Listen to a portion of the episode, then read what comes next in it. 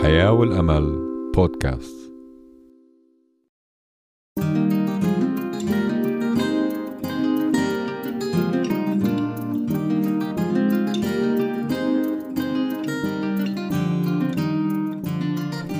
إذاعة صوت الحياة والأمل لحياة أفضل.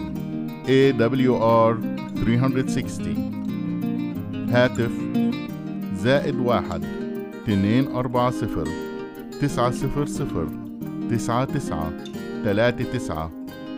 بريد الإلكتروني hub at awr نقطة org.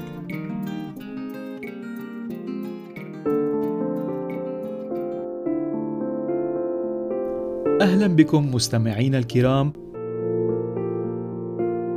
سنستمع اليوم إلى حرب النجوم في سفر الرؤيا على العرش.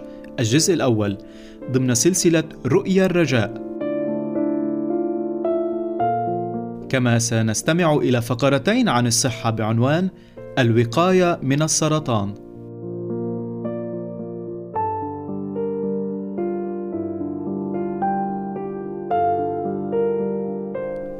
حرب النجوم في سفر الرؤيا على العرش. سوف نقوم اليوم بفتح الستارة وسننظر إلى ما يحدث بالفعل في الكون. سوف نكتشف صراع حرب النجوم الأبعد مما نتخيل. تتميز حرب العوالم بمعركة مذهلة بين الملائكة الصالحين والأشرار. إن الملائكة كائنات سماوية خلق لها الله في الأصل لتخدمه بإخلاص وتتمتع بمجد حضوره طوال الأبدية. الملائكة هم أحد الموضوعات الرئيسية في سفر الرؤيا. يبدأ السفر بإرسال يسوع ملاكه ليوحنا ليعلن له حقائق الوحي. تكشف الملائكة عن رسالة الله في كل عصر من تاريخ البشرية. في رؤيا 2 و 3 الملائكة هم رسل الله إلى الكنائس السبعة. في سفر الرؤيا 7 يقف أربعة ملائكة على زوايا الأرض الأربع ممسكون برياح الدمار الأخيرة من تدمير الأرض تماما قبل مجيء يسوع يصور رؤيا عشرة ملاكا عظيما يصرخ بصوت عال لتحذير جميع سكان الأرض.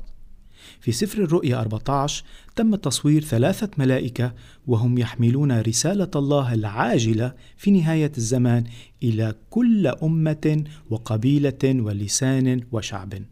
رؤيا 14 6 لتهيئتهم لمجيء يسوع. يسكب الملاك الجامات السبع في رؤيا 16 وملاك بسلطان عظيم يحمل رسالة الله في اليوم الأخير في سفر الرؤيا 18 الملائكة هم شخصيات رئيسية في سفر الرؤيا. إنهم كائنات سماوية مرسلين من الله غير مرئيين للعين البشرية ومع ذلك فهم حقيقيين. يكشف سفر الرؤيا عن صراع بين الخير والشر بين المسيح والشيطان. الملائكة الصالحين موجودين ويوجد أيضا ملائكة أشرار. يخبرنا سفر الرؤيا أن حربا اندلعت في السماء اندلعت المعركة في الجنة انحازت جيوش الملائكة في مواجهة درامية. يتم تقديم القصة برموز درامية في سفر الرؤيا الإصحاح 12 رؤيا 12 من 7 ل 9 يقول وحدثت حرب في السماء. ميخائيل وملائكته حاربوا التنين وحارب التنين ملائكته ولم يقووا فلم يوجد مكانهم بعد ذلك في السماء. فطرح التنين العظيم الحية القديمة المدعو إبليس والشيطان الذي يضل العالم كله. طرح إلى الأرض وطرحت معه ملائكته.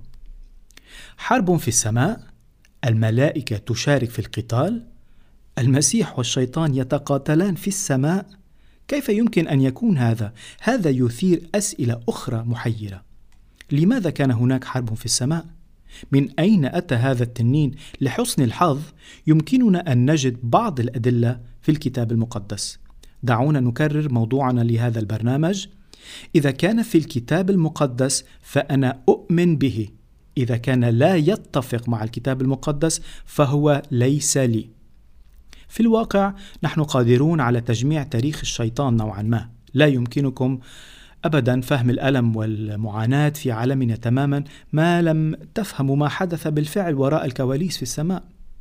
يعطينا سفر حسقيال في الكتاب المقدس نظرة إلى قلب لوسيفر نفسه. يكشف عما كان يفكر فيه ما كان يدور في ذهنه. دعونا نقرأها معا. في حسقيال 28 العدد 12 يقول هكذا قال السيد الرب أنت خاتم الكمال ملان حكمة وكامل الجمال.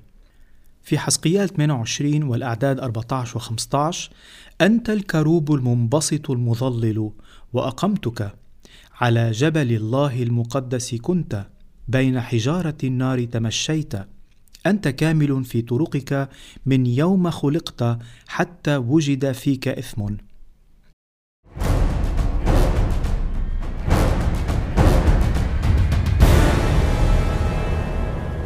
صوت إذاعة الحياة والأمل AWR 360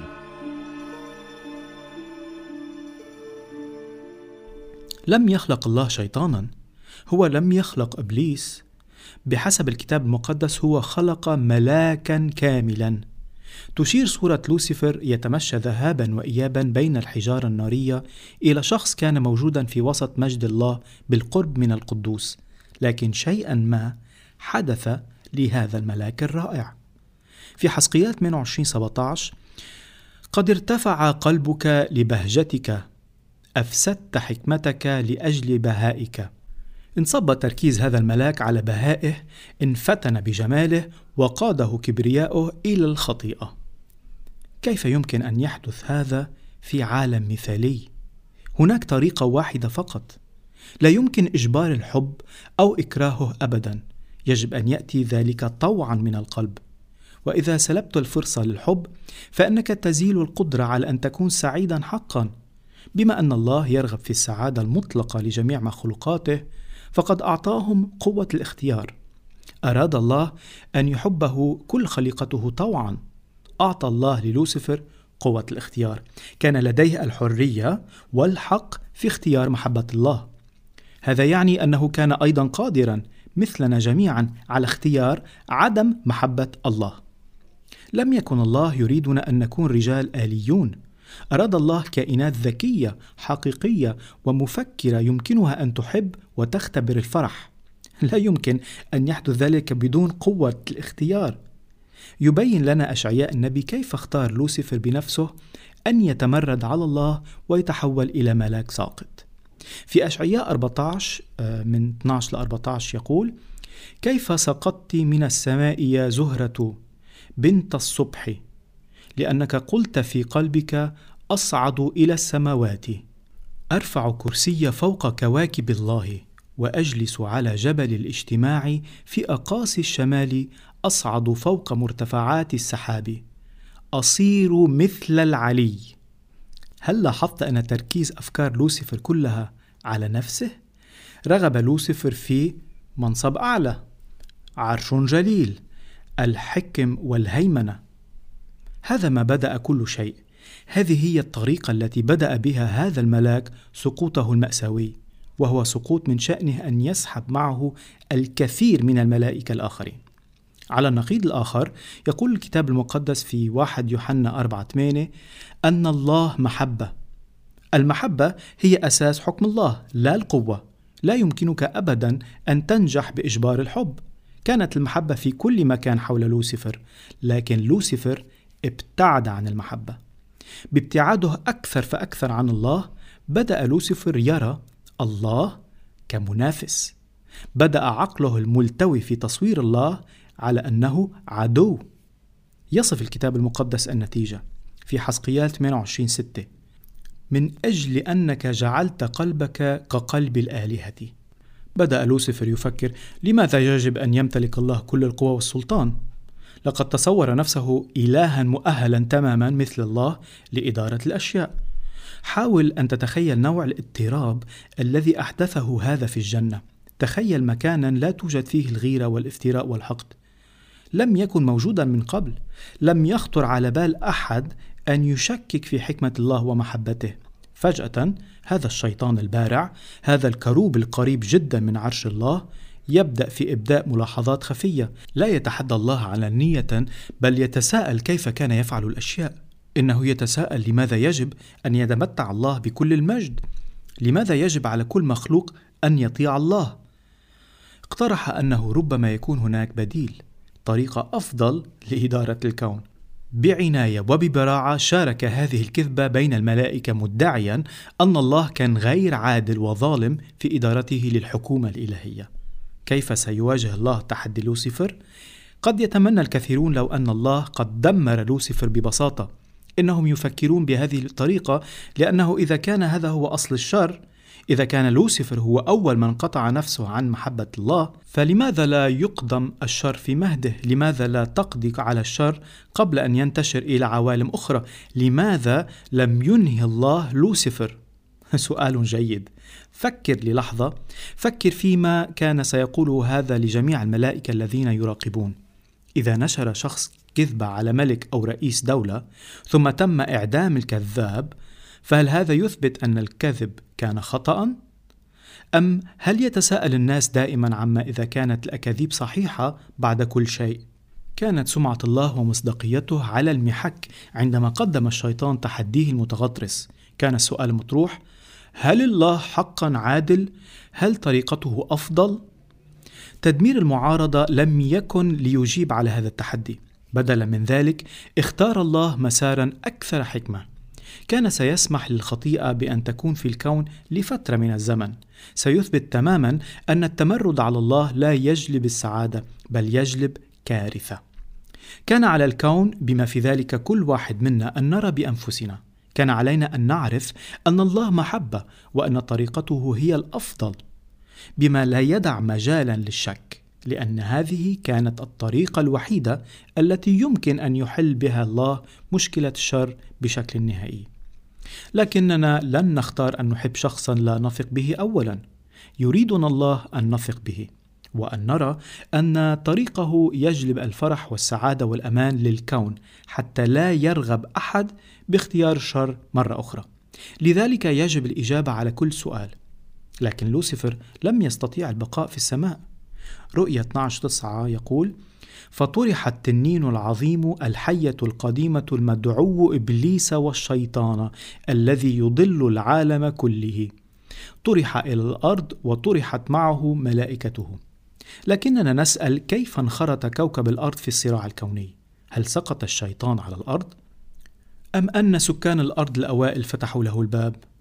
يخبرنا الكتاب الأول سفر التكوين أن كل شيء كان حسن عندما خلق الله الأرض وهذا يشمل البشر الأوائل لقد كانوا أيضا كائنات مثالية وأخلاقية وقادرة على المحبة كما تم منحهم حرية الاختيار لقد منحهم الله هذه الفرصة بخلق شجرتين شجرة الحياة وشجرة معرفة الخير والشر باختيارهم أن يأكلوا من شجرة الحياة.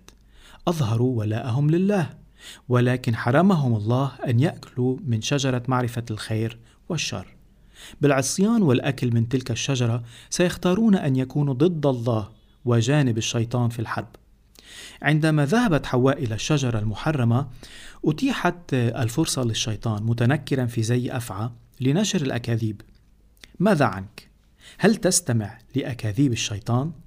انتظروني في الحلقة القادمة لمعرفة المزيد عن أكاذيبه وكيف يمكنك حماية نفسك من هذه الأكاذيب.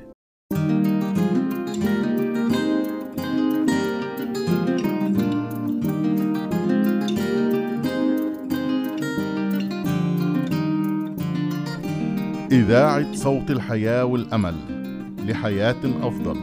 AWR 360 هاتف زائد واحد اتنين أربعة صفر تسعة صفر صفر تسعة تسعة تلاتة تسعة. بريد الإلكتروني هوب at awr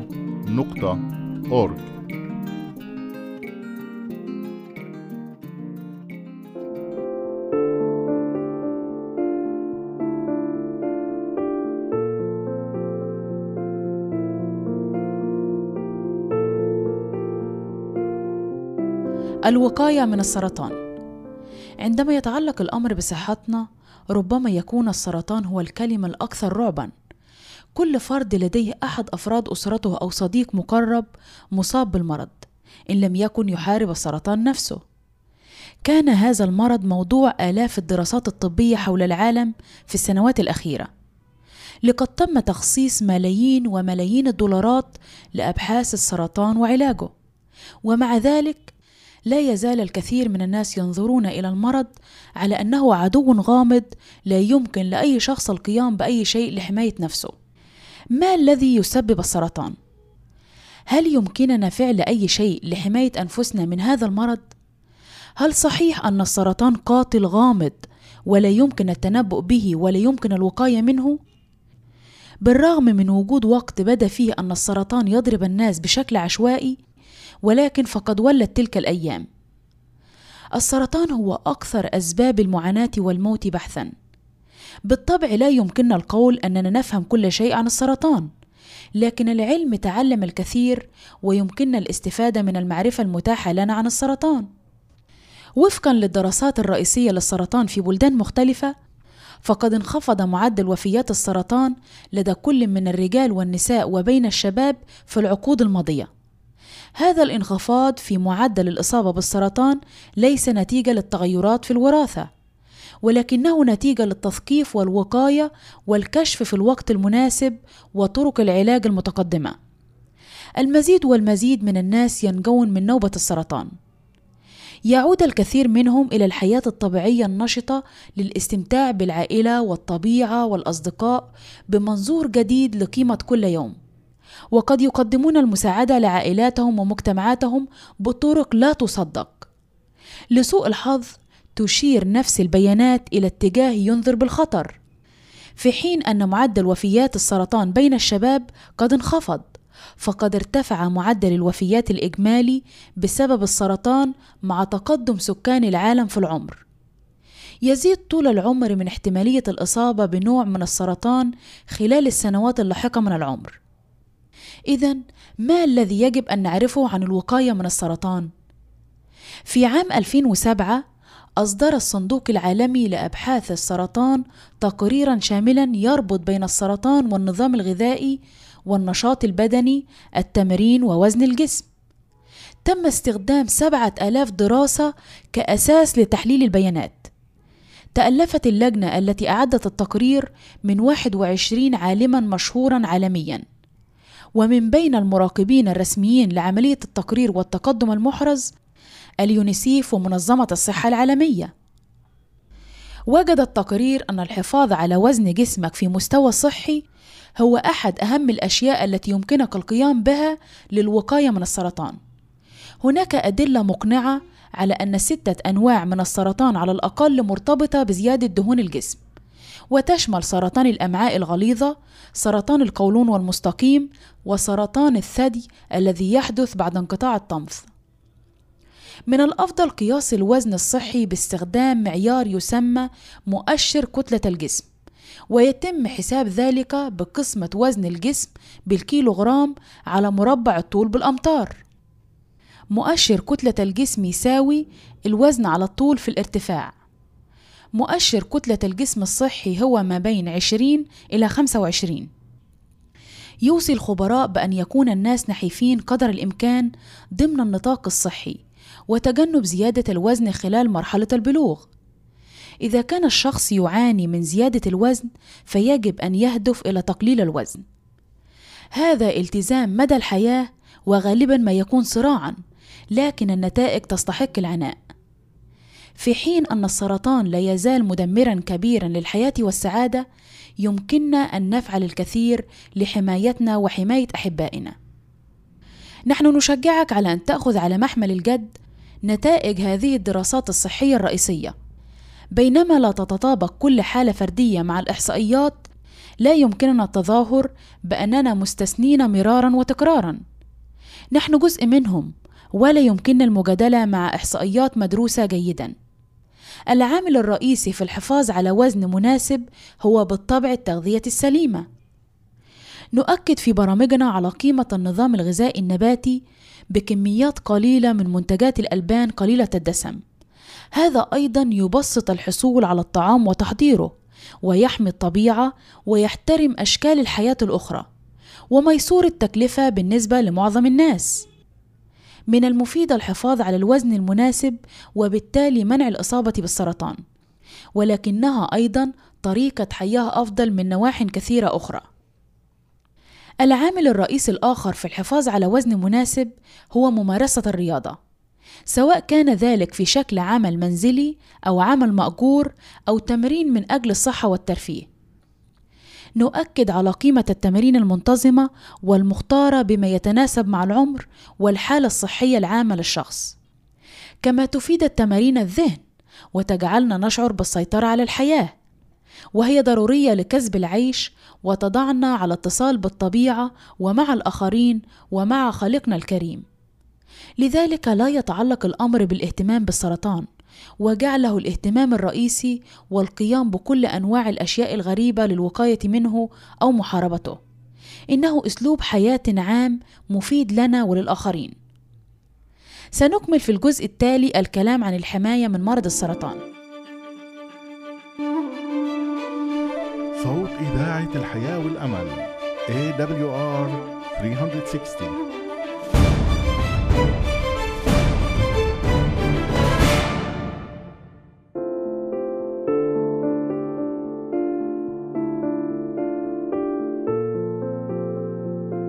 مرحبا بك في برنامجنا.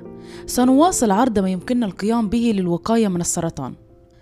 في الواقع ما يصل إلى نصف حالات السرطان يمكن الوقاية منها.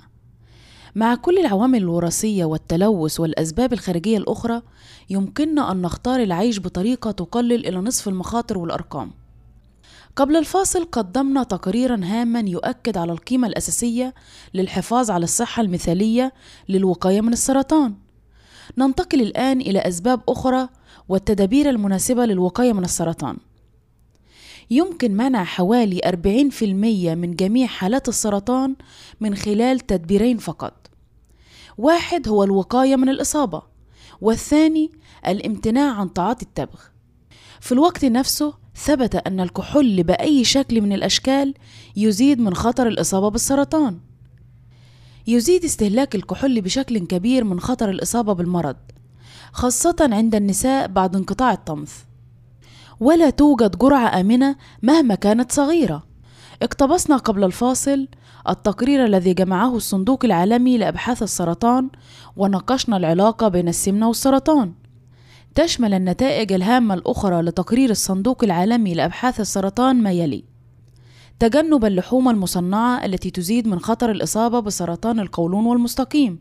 يوصي الصندوق العالمي لأبحاث السرطان بعدم تناول أكثر من 500 جرام وزن مطبوخ من اللحوم الحمراء في الأسبوع. تنصح الأمهات بالرضاعة الطبيعية فقط لمدة ستة أشهر. بعد ذلك يتم حثهم على الاستمرار لمدة ستة أشهر أخرى أو ما يسمى بالرضاعة الطبيعية التكميلية. تساعد الرضاعة الطبيعية لحماية الأم من سرطان الثدي وقد تحمي الطفل أيضا من السمنة في وقت لاحق من الحياة. لا ينصح باستخدام المكملات الغذائية للوقاية من السرطان. إن الدليل على أن الكحول يسبب السرطان أقوى من أي وقت مضى. هذا يؤكد وجود خطر صحي آخر معروف بالفعل للكحول. تشير الدراسات إلى أن تناول الكحول يزيد من خطر الإصابة بالسرطان في القولون والكبد والمريء والبلعوم والثدي.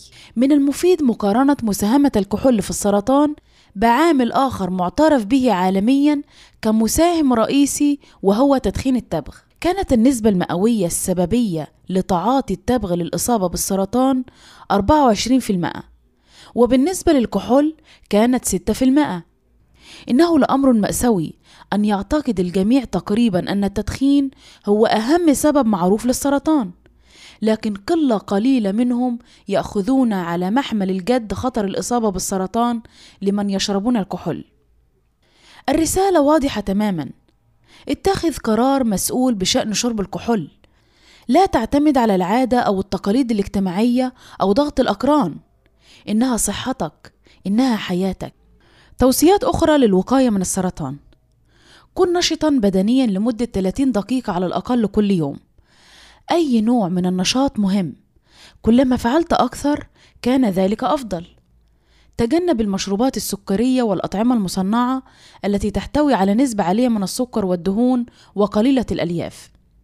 تناول المزيد من الخضار والفواكه والحبوب الكاملة والبقوليات مثل الفول والعدس وقلل من تناول الأطعمة المالحة والأطعمة المعالجة بالملح. قبل النهاية نود أن نشرح مصطلحا ربما سمعت عنه. المنطقة الزرقاء.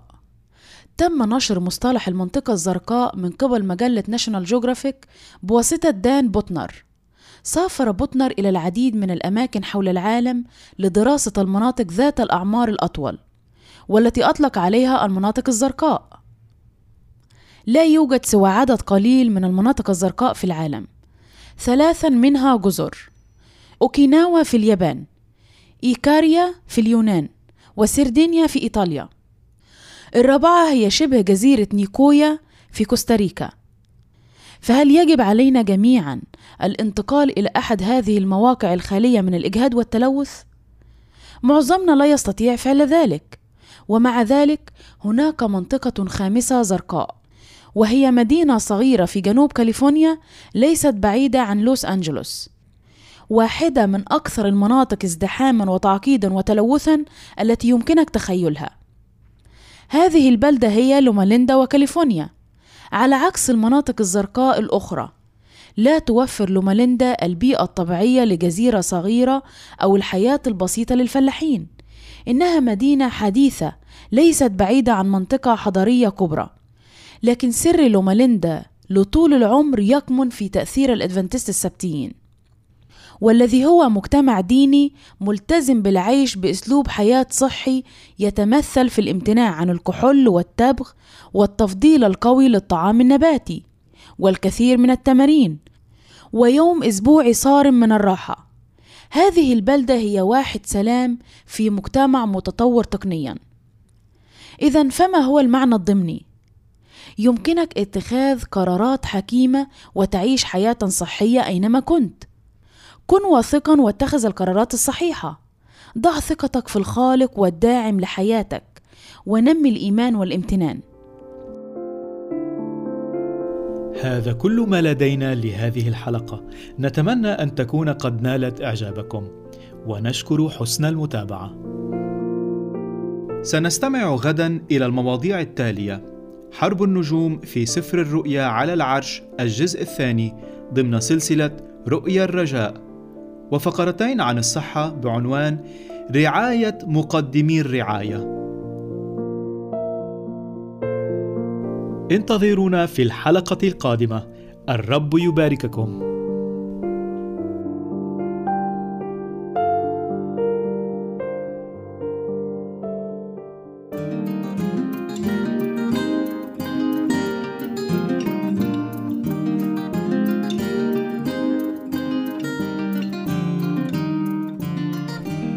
إذاعة صوت الحياة والأمل لحياة أفضل AWR 360 هاتف زائد واحد اثنين أربعة صفر تسعة صفر صفر تسعة تسعة ثلاثة تسعة. بريد الإلكتروني hub at awr نقطة org.